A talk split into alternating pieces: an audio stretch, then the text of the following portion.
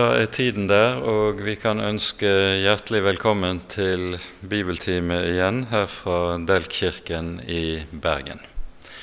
I kveld begynner vi med en ny serie bibeltimer der vi skal gå gjennom 1. Peters brev videre utover våren.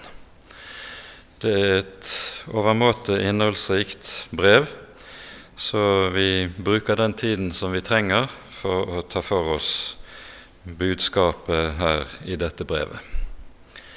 Men la oss be sammen før vi leser.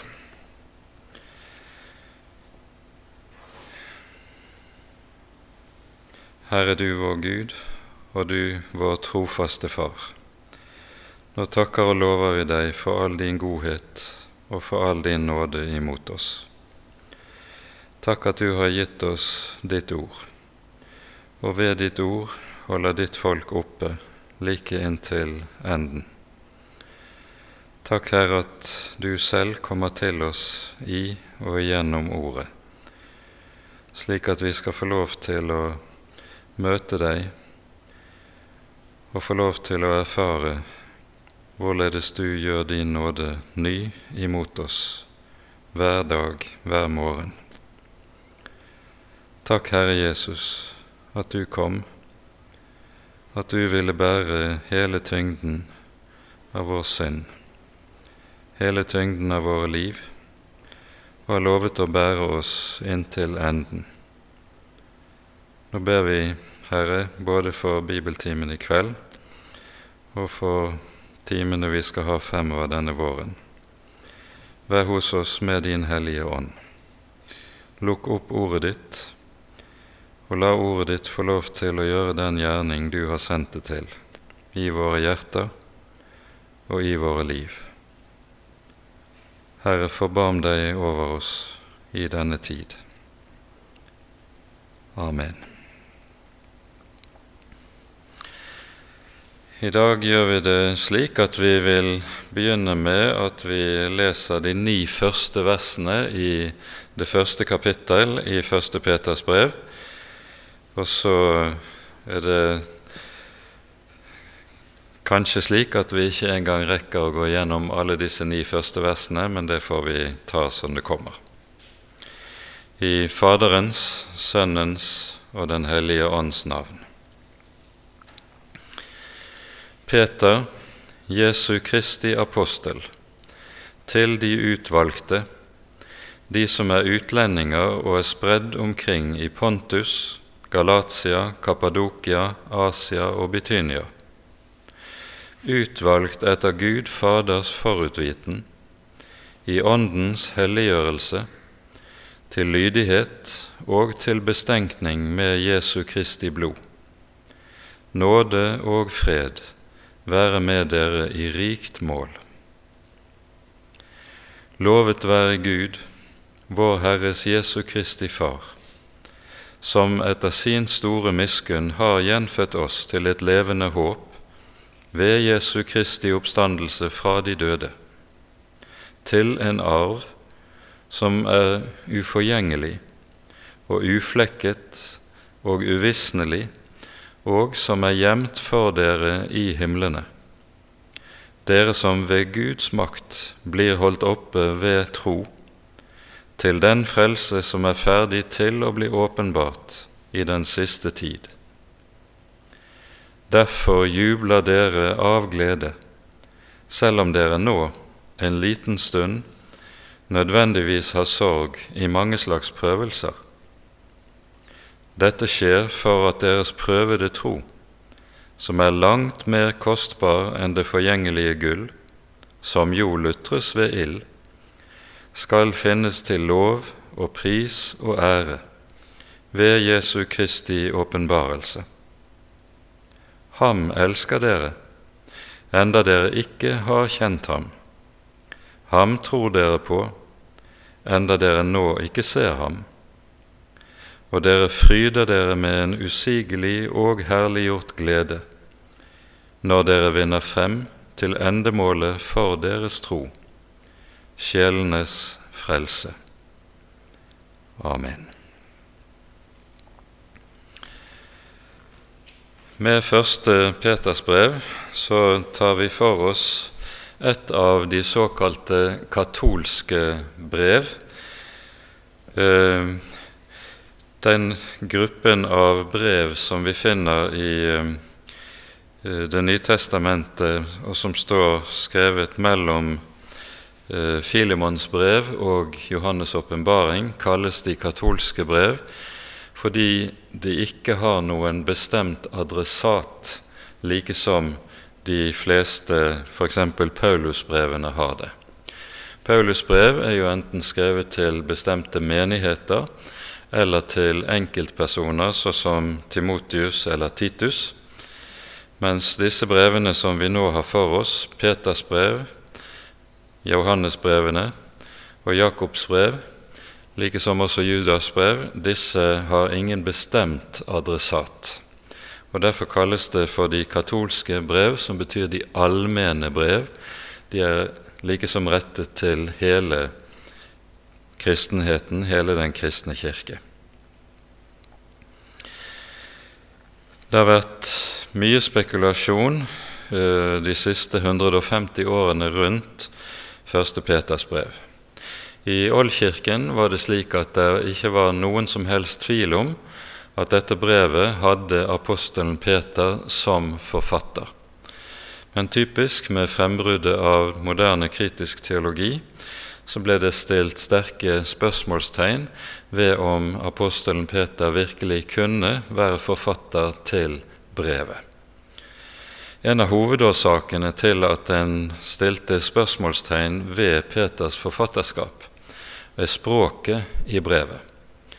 Det er nemlig slik at i 1. Peters brev så finner vi kanskje noe av den ledigste og beste gresk som vi overhodet finner i Det nye testamentets skrifter. Mens av bemerkninger vi ser tidligere i Det nye testamentet, så var Peter neppe synderlig språksterk. Vi hører i apostelgjerningenes fjerde kapittel, når han og Johannes er blitt arrestert og forhøres for Det høye råd, så bemerkes det at de i Det høye råd undret seg over deres frimodighet fordi de var ulærde menn. Og vi hører jo også i forbindelse med eh, forhøret av Jesus når Peter er til stede i gårdsrommet i yppersteprestens gård, så hører vi at Peter avsløres på sin galileiske dialekt. Han har altså ikke vært en som var synderlig språklig sterk, slik at han kunne så å si kamuflere sitt opphav. Men at Peter er opphavsmann til brevet, behøver ikke å betviles i det vi hører i eh, det femte kapittel av, i det tolvte verset. Her sies det med Silvanus, den trofaste bror, det holder jeg ham for, skriver jeg kort til dere. Her nevnes Silvanus som medforfatter av brevet. Vi hører jo også om en rekke av Paulus sine brever at Paulus har medarbeidere som fører brevene i pennen etter det som er Paulus enten direkte diktat eller Paulus formulering av det som han ønsker å si. Og så har Paulus' medarbeidere hatt en viss språklig frihet når de skulle utforme brevet. Silvanus er den som har vært Peters medarbeider i utarbeidelsen av brevet. Og de fleste fortolkere er enige om at denne Silvanus han er identisk med Silas, som vi hører om i apostlenes gjerninger. Silas hører vi om første gang i det 15. kapittel i apostelgjerningene, etter at apostelmøtet i Jerusalem har vært avholdt, så sendes det en delegasjon til menigheten i Antiokia, som skal meddele menigheten der det som er apostelmøtets vedtak. Og Silas hørte med i denne delegasjonen. Vi hører videre at Silas blir værende i Antiokia en periode, og når Paulus så drar fra Antiokia for å starte på sin andre misjonsreise, så blir Silas med Paulus og blir en av Paulus sine nærmeste medarbeidere under både andre og antageligvis også tredje misjonsreisen. Silas har vært språksterk, og eh, sannsynligvis er det han da som har ført brevet i pennen etter det som Peter har ønsket å få sagt, men som han ikke har vært språksterk nok når det gjelder gresk, til selv å kunne formulere slik det er gitt. Men den gresk vi altså finner i dette brevet, den er altså noe av det mest avanserte og ledige som vi finner i Det nye testamentet. Foranledningen til brevet den er ganske særegen. Det er et tema som dukker opp på ny og på ny gjennom hele brevet, og det er de trengsler og de forfølgelser som de troende er gjenstand for. Så i særlig forstand er det grunn til å si at 1. Peters brev er et brev som er rettet til den forfulgte kristne menighet. Antagelig er foranledningen nettopp at uh, den eldste kristne kirke nå står ved begynnelsen av de, den typen forfølgelser som etter hvert kom til å gjøre seg gjeldende i Romerriket i nesten 300 år, frem til Konstantin kommer på tronen i uh, Romerriket i år 313.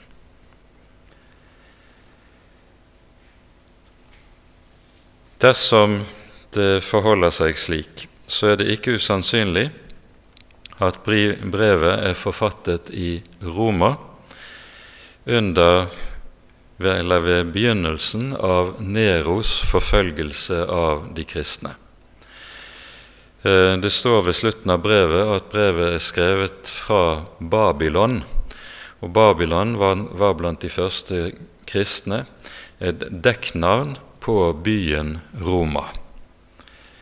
Babylon var så å si innbegrepet av denne verdens rikes ondskap og etterstrebelser av Guds rike.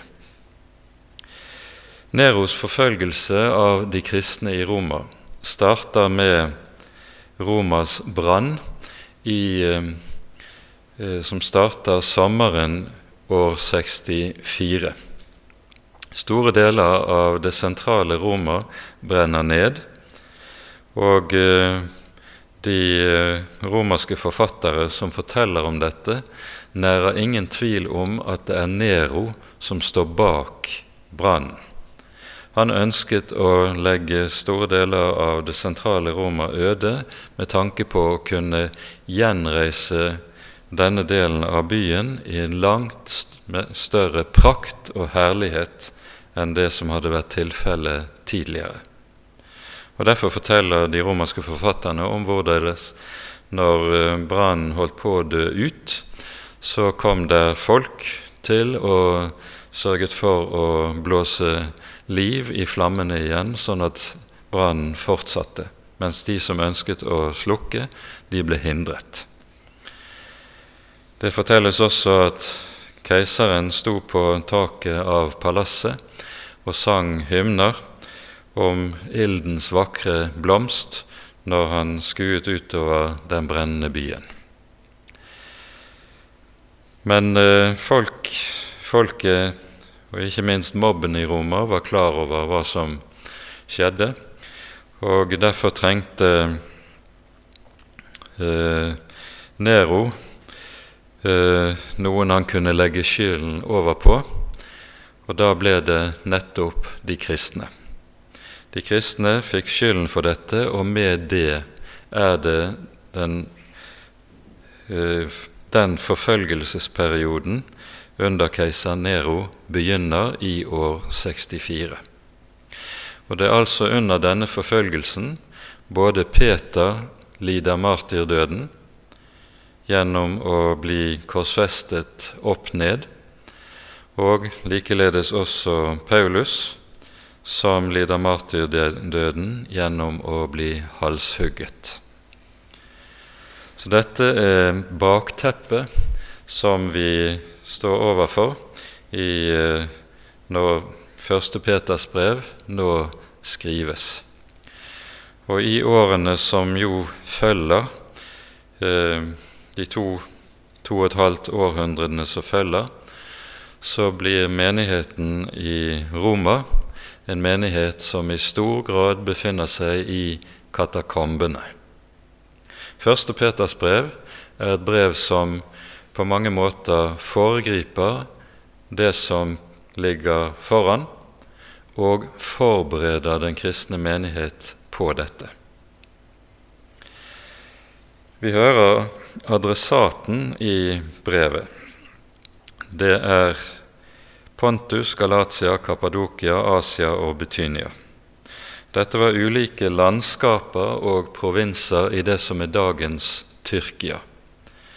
Her har tydeligvis det også vært slik at begynnende forfølgelser har blitt noe menighetene har erfart, og dette er da det som er brevets utgangspunkt og noe av dets hovedtema. Peter begynner brevet sitt på samme måte som Paulus begynner sine brev, med å understreke at han er Jesu Kristi apostel. Ordet apostel eh, betyr en som er en utsending med fullmakt, og betyr eh, har betydningsinnhold som svarer til vårt ord ambassadør. Norges ambassadør i London f.eks. har ingen fullmakter til verken å si eller gjøre noe annet enn det han får beskjed om fra regjeringen i sitt hjemland. Og På samme måte er det med en apostel. Han har ikke fullmakt verken til å si, tale eller gjøre annet enn det som Herren Jesus gir ham fullmakt til. Derfor er apostlenes brever aldri noe som er uttrykk for deres egen teologi eller for deres egne tanker om hva den kristne tro måtte være eller innebære. Det er i stedet slik at de taler på Kristi vegne og med den fullmakt som Herren Jesus Kristus selv har gitt dem. Og her står vi overfor noe som er viktig å være klar over. Vi hører Jesus flere ganger i Johannesevangeliet si om seg selv at 'jeg kan ikke gjøre noe av meg selv', men slik Faderen taler, så gjør jeg. Dette gjentar Jesus en rekke ganger om seg selv.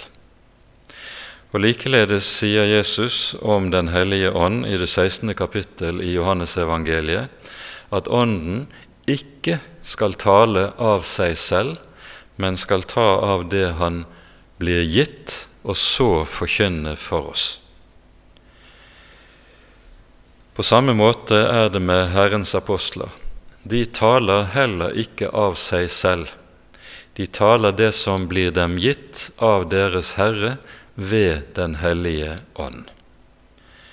Og Det er det som ligger i apostolatet, og som gjør at apostlenes tale, brev og budskap står i samme kategori som profetenes tale og budskap i Det gamle testamentet.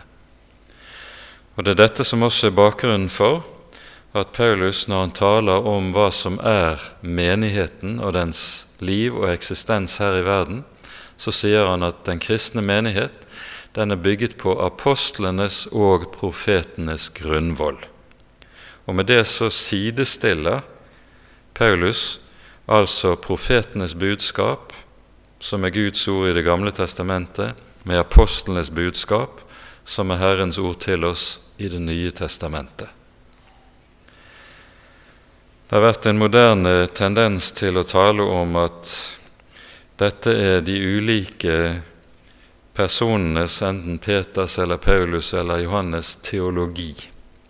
Det er ikke deres personlige teologi. Det er Herren som taler sitt ord gjennom dem, og så er det Jesu ord til oss. Og som det er det vi også skal ta det til oss og takke for det. En sak som er bemerkelsesverdig her i det første verset som eh, vi her har i Petersbrevet, det er at Peter, når han skriver til disse menighetene i Lille Asia, så omtaler han dem på samme måte som vi i Det gamle testamentet hører Israels folk blir omtalt. For det første sies det om den troende menighet de er det, de utvalgte. Altså menigheten kalles for det utvalgte folk. Nøyaktig på samme vis som Israel kalles for Guds utvalgte folk i Det gamle testamentet. For det andre så sies det om menigheten at de er spredd omkring. Her bruker grunnteksten eh, ordet 'diaspora', som nettopp er det samme ordet som ble anvendt om det jødiske folk i adspredelsen. Eh, også på apostlenes tid var det slik at flertallet av jøder de bodde utenfor Israels folk, de bodde spredd omkring i de ulike land i det store Romerriket, også inn i Asia. Og Denne adspredelsen kalles altså for diaspora. Dette begrepet anvender Paulus nå om de hedningekristne menighetene i Lille Asia. Og vi forstår at med dette så anvendes der begreper hentet fra Det gamle testamentet, som der anvendes om Israels folk, det anvendes om den kristne menighet. Dette settes på sin spiss i det andre kapittel, som vi kommer senere, til senere, når vi i vers 9 der hører det sies om den kristne menighet dere er en utvalgt ett, et kongelig presteskap, et hellig folk og et folk til eiendom. Dette er direkte sitat fra Herrens ord til Israels folk når de står ved Sinai, slik vi leser det i 2. Moseboks 19. kapittel. Det som altså sies til Israel ved Sinai, det sies nå til den kristne menighet. Dere er Guds folk. I dette ligger det som vi hører Paulus omtaler i eh, Romerbrevets 11. kapittel, når han anvender et bilde. Bildet nemlig av oliventreet, der det er slik at de naturlige oliventreet er fedrene, og det fedrene i den gamle pakts tid representerer med sin tro. På dette treet så er det en del grener som har vokst frem, som er brutt av. De er brutt av av sin vantro mot evangeliet, skriver apostelen. Og motsatt. De hedninge kristne som har kommet til tro på evangeliet om Jesus, de er blitt innpodet på treet, på oliventreet, og har dermed fått del i treets olje og fedme som apostelen uttrykker det. Og Dette er tankegangen slik at den troende menighet de har fått del i den arv som kommer fra fedrene og hører til den samme troende Guds folk som fedrene i den gamle pakt gjorde det.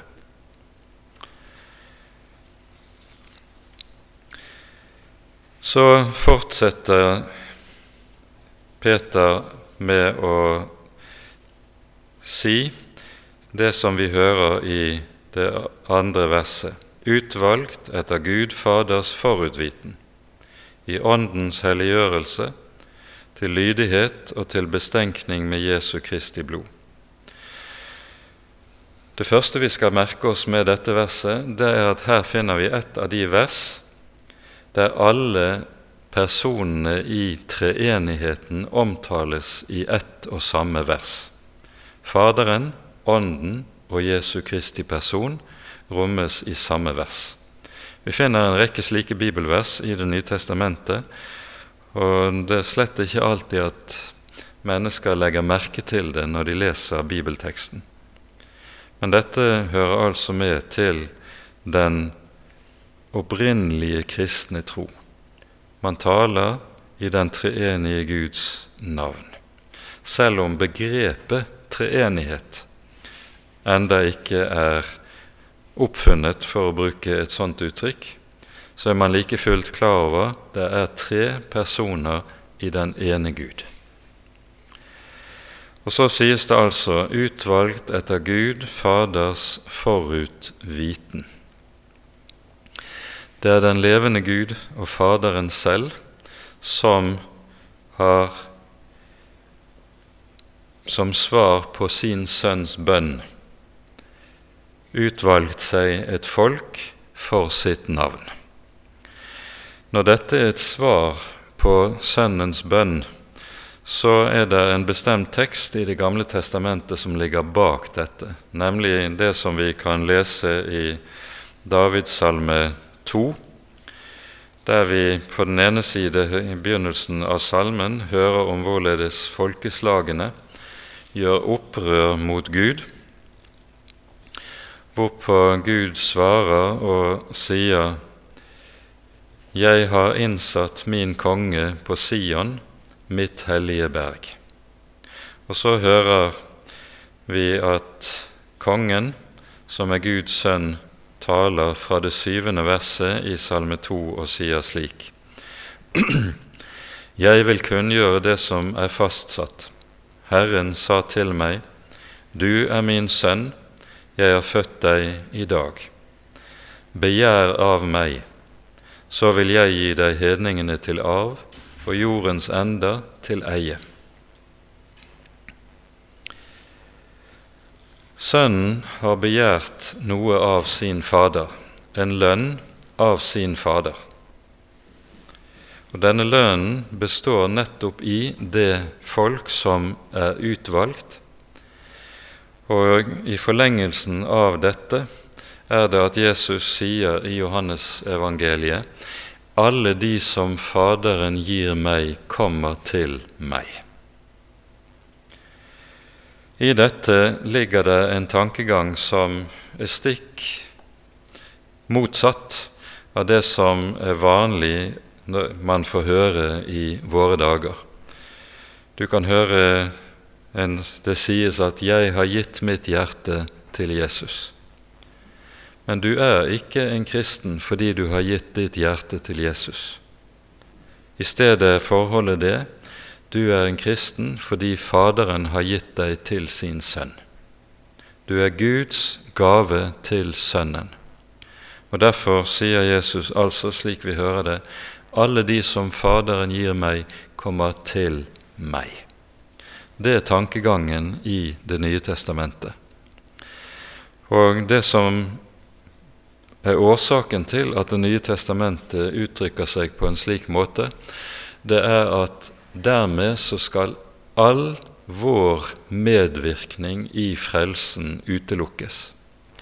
Vi er ikke frelst fordi vi har gjort noe, men fordi Herren har gjort noe.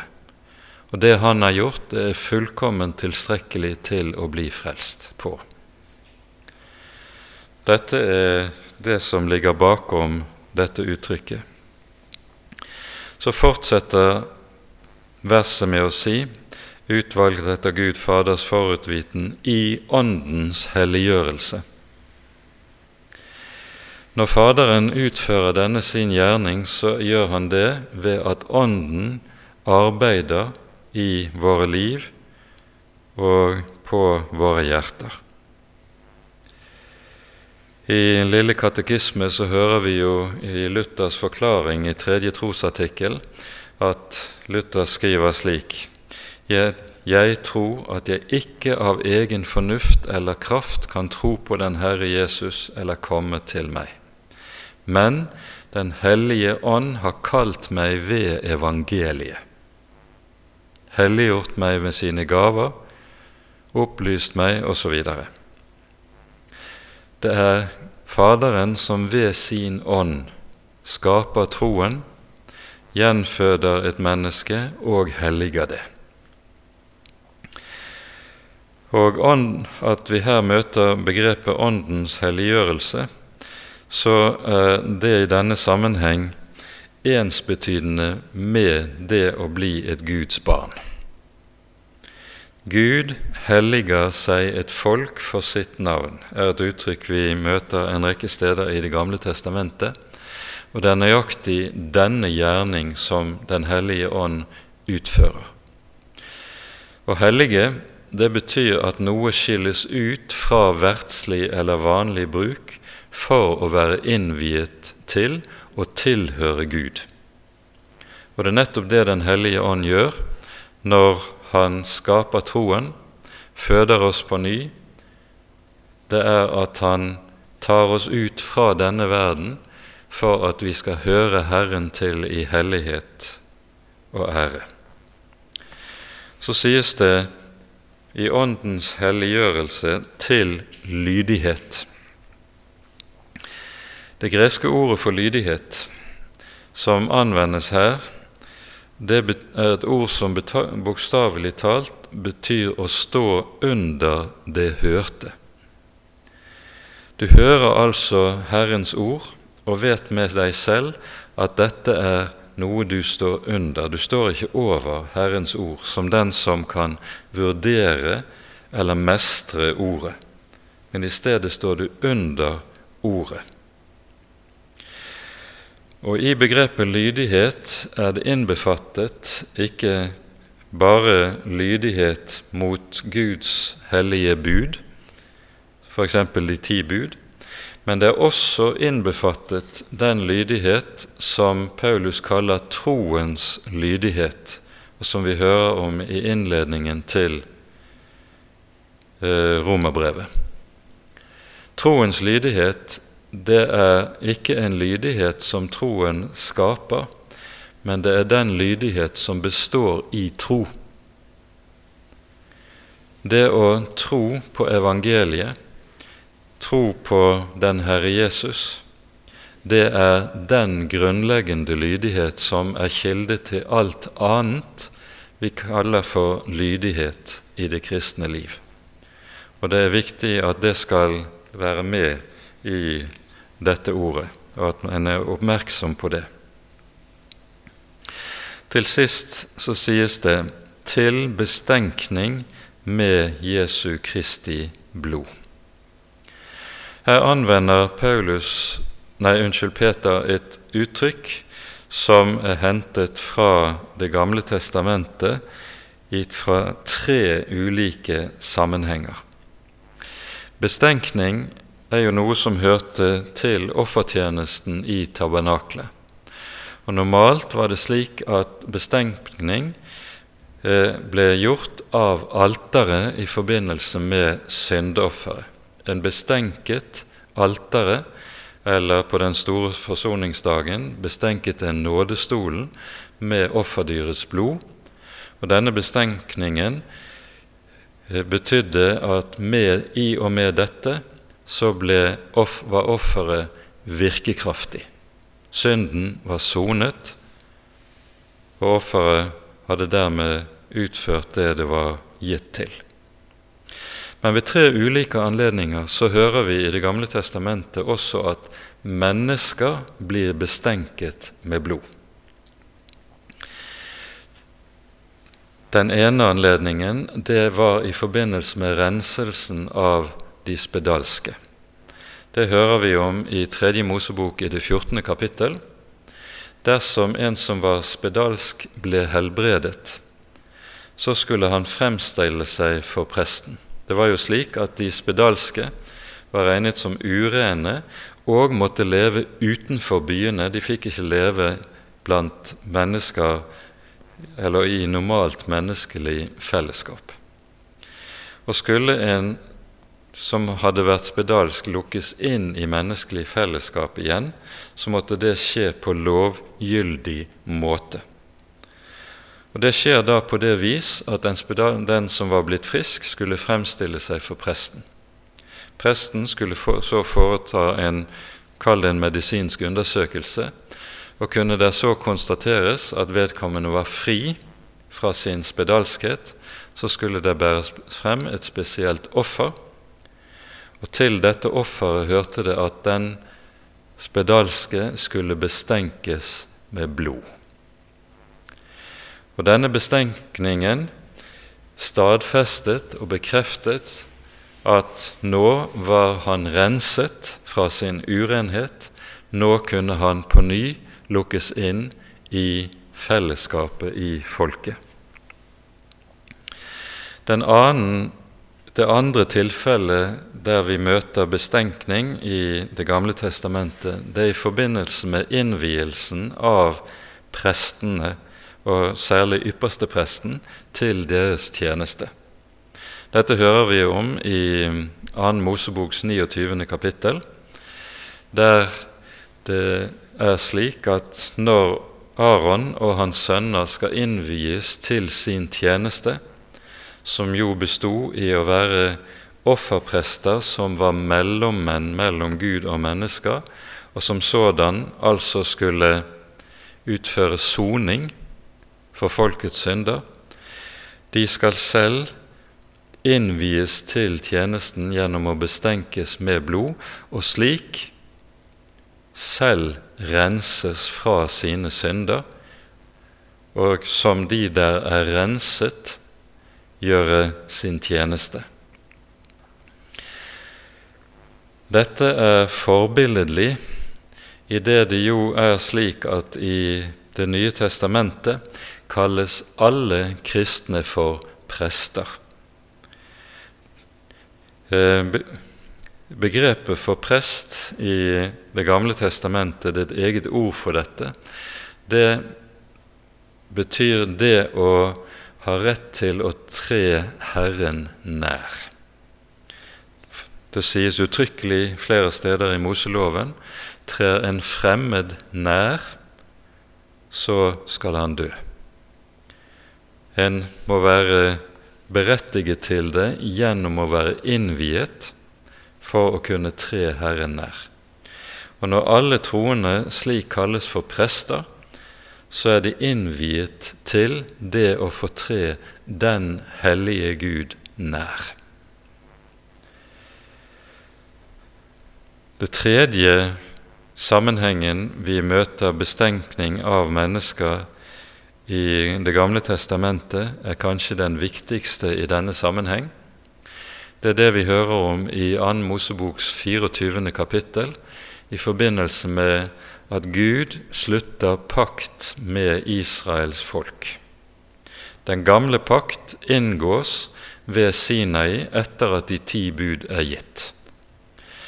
Og vi hører der om at etter at eh, når pakten inn, skal inngås, så leses lovens ord opp for folket, og folket svarer med, som med én røst, står det, alt hva Herren har sagt, vil vi gjøre og høre. Og så er det at syndofferet og brennofferet slaktes, og Moses heller blodet av offeret i skåler, og så bestenkes folket med blodet, som da blir det grunnleggende stadfestelse av og bekreftelse på pakten mellom Herren og hans folk. Så vet vi hvorledes det er. Den gamle pakt, den er en pakt som Israels folk bryter. Og derfor lover Herren gjennom profeten Jeremia at han vil opprette en ny pakt. Dette hører vi om i Jeremias boks 31. kapittel. Og denne nye pakt skal være grunnet på en annen grunnvoll enn den gamle pakt var grunnlagt på. Den gamle pakt var grunnlagt på at Herrens lov ble lest opp, og folket si lover alt Herren har sagt, vil vi gjøre og høre. Og som Moses sier når blodet bestenkes på folket, dette er Herrens pakt som opprettes med dere på alle disse ord. Altså på lovens ord.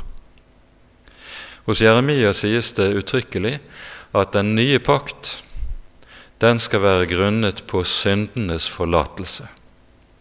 Dette sies uttrykkelig i eh, Jeremias, hos Jeremia i kapittel 31, fra vers 31 til 34. Så grunn, grunnlaget for den nye pakt er syndenes forlatelse. Og når, Dette er det Jesus gjør bruk av når han innstifter nadværen. Dette er den nye pakt i mitt blod som utgytes for dere til syndenes forlatelse.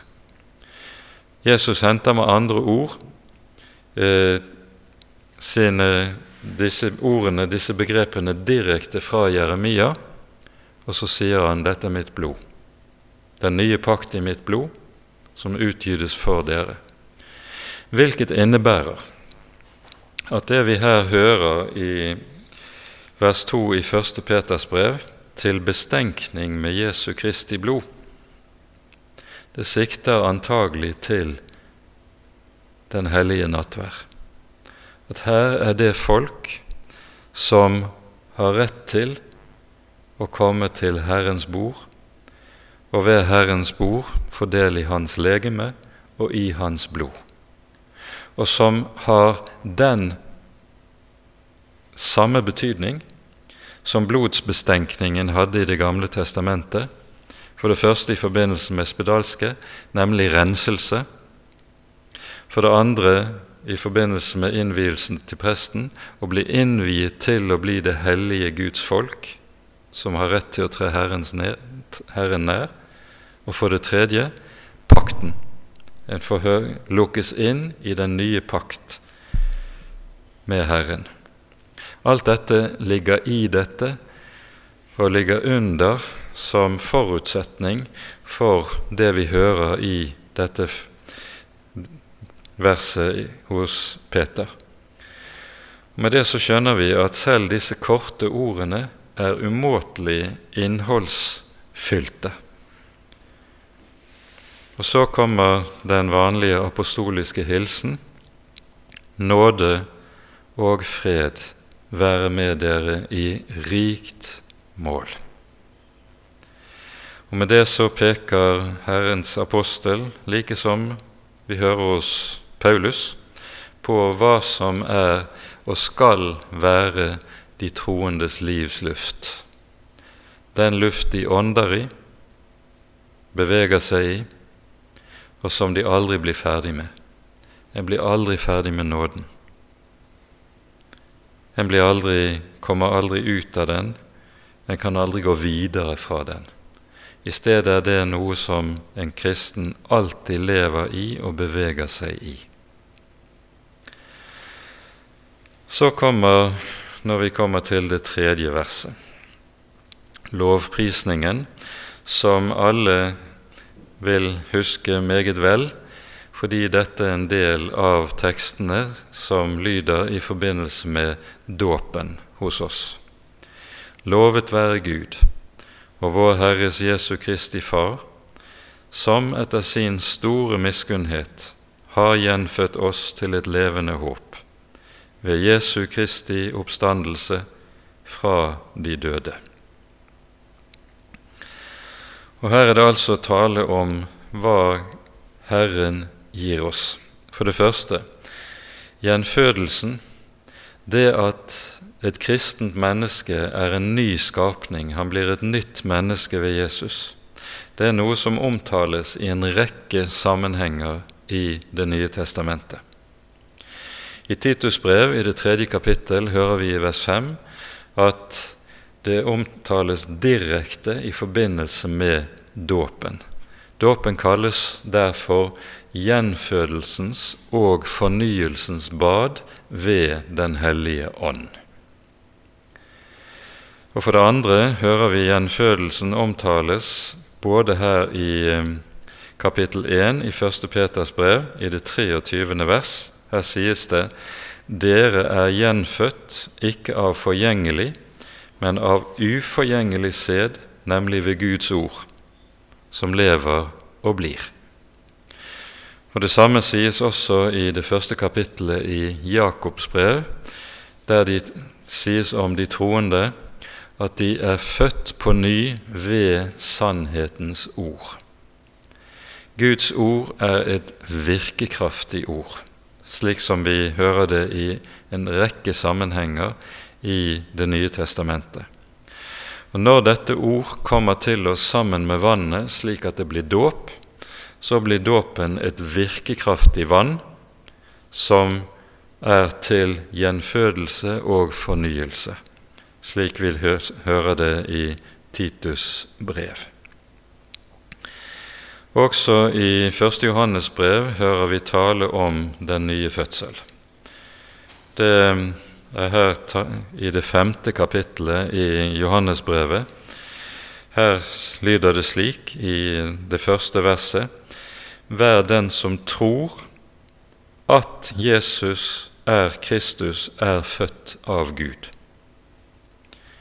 Og vær den som elsker Faderen, elsker også den som er født av ham. Og i det fjerde verset sies det:" For alt det som er født av Gud, seirer over verden. Og dette er den seier som seirer over verden, vår tro. En rekke andre tekster kunne vi også tatt inn, men dette er tekster som er viktig å ha med seg i denne sammenhengen. Og Det som gjør at ordet og dåpen har denne gjenfødende kraft, det er det som Peter sier her i det tredje verset. Jesu Kristi oppstandelse. Det er Jesu oppstandelseskraft som gjør seg gjeldende og virker til gjenfødelse. Fordi det er slik at Jesu Kristi oppstandelse, det er begynnelsen på oppstandelsen og det nye livet til hele skaperverket, ikke bare for ham selv. Og Derfor kalles Jesus for, også for førstegrøden og den førstefødte av de døde. Han er førstegrøden, og det bærer i seg løftet om oppstandelse og det nye livet for hele skapningen for øvrig. Denne gjenfødelsen, hører vi, det er en gjenfødelse til et levende håp. Og det er et fantastisk uttrykk. Et levende håp, forstår vi, det er noe som står i motsetning til et dødt håp. Paulus sier i Feserbrevets andre kapittel når han, om hedningene at de er uten Gud og uten håp i verden.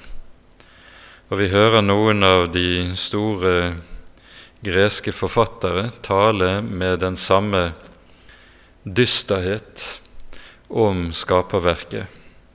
Sofokles, en av de store greske dikterne, sier at for mennesket ville det aller beste være om det aldri var født.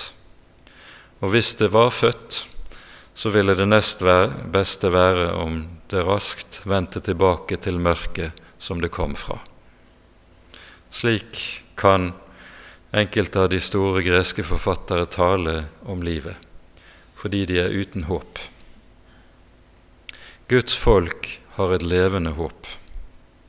Et håp som ikke blir svakere eller mindre når trengslene blir store og forfølgelsene blir sterke, men tvert om vokser i kraft der hvor trengslene vokser. Hva dette håpet består i, hører vi i det neste verset. Det levende håpet det består nemlig en, i en arv som er uforgjengelig, uflekket og uvisnelig, og som er gjemt for oss i himlene. Og Her skal vi merke oss de tre begrepene som anvendes om arven. En kristen kan ofte bli ganske så mismodig når han ser på sitt eget liv. Det er så meget som kan gå galt i livet, og en kan med sine egne synder og hvordan med valg som en har gjort i livet, føle at en har ødelagt både det ene og det andre, både hos seg selv og kanskje hos andre mennesker. Da skal vi vite at den arv som er lovet oss i himlene, den influeres ikke det aller ringeste av alt det vi kan komme i skade for å ødelegge her i våre liv. Den, det sies om, for det første om denne arv at den er uforgjengelig.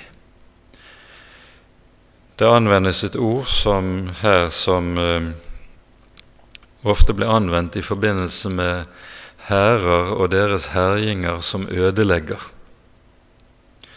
Når det sies at den er uforgjengelig, så sies det altså her er det tale om en arv som ikke kan ødelegges. Det er ingen arv, det er ingen makt, intet som kan gjøres eller skje her i livet eller i verden, som kan ødelegge denne arven. For det andre, den er usmittet eller uflekket. Det betyr at ingen synd som kan hefte ved et menneske her i tiden, kan besmitte arven der i det høye. Den forblir like ren, like skinnende, like usmittet, uansett hva som måtte hefte ved meg eller deg her i livet. For arven er ikke avhengig av hvorledes jeg hvordan jeg er, og hva jeg kan få til eller ikke få til. For det tredje den er uvisnelig. Den er ikke som blomstene på marken som står et øyeblikk, og så tørker og visner. Den tæres ikke av tidens tann. Den fortæres ikke av noe, uansett hvorledes tiden må gå. Og med disse tre begrepene beskriver apostelen Peter hva det levende håpet består i, denne arven. Og denne arven er dypest sett Jesus selv. Det er han som er vår arv, det er han som er vår del.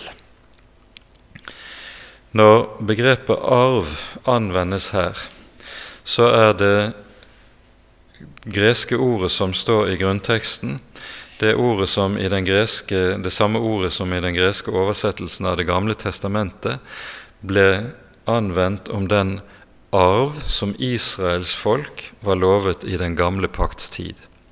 Og den arven folket var lovet, det var Kanans land, det lovede land. Så her brukes altså det samme begrepet om den arv som Guds folk er blitt lovet, det er så å si vårt lovede land. Og hva er dette? Her er det vi har et forunderlig forbilde når det gjelder nettopp prestene i den gamle pakts tid.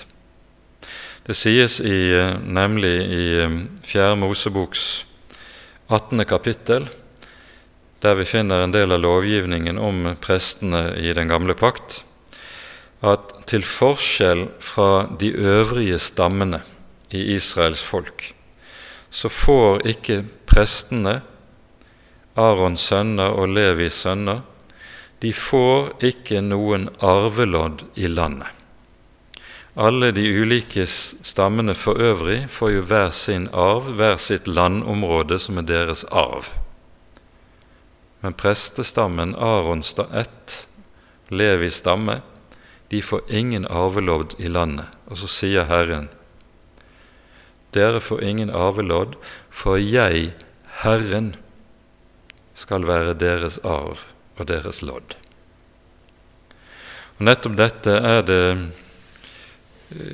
denne tanke er det David anvender i den 16. salmen, som begynner slik.: Jeg sier til Herren, jeg har intet gode utenfor din, deg.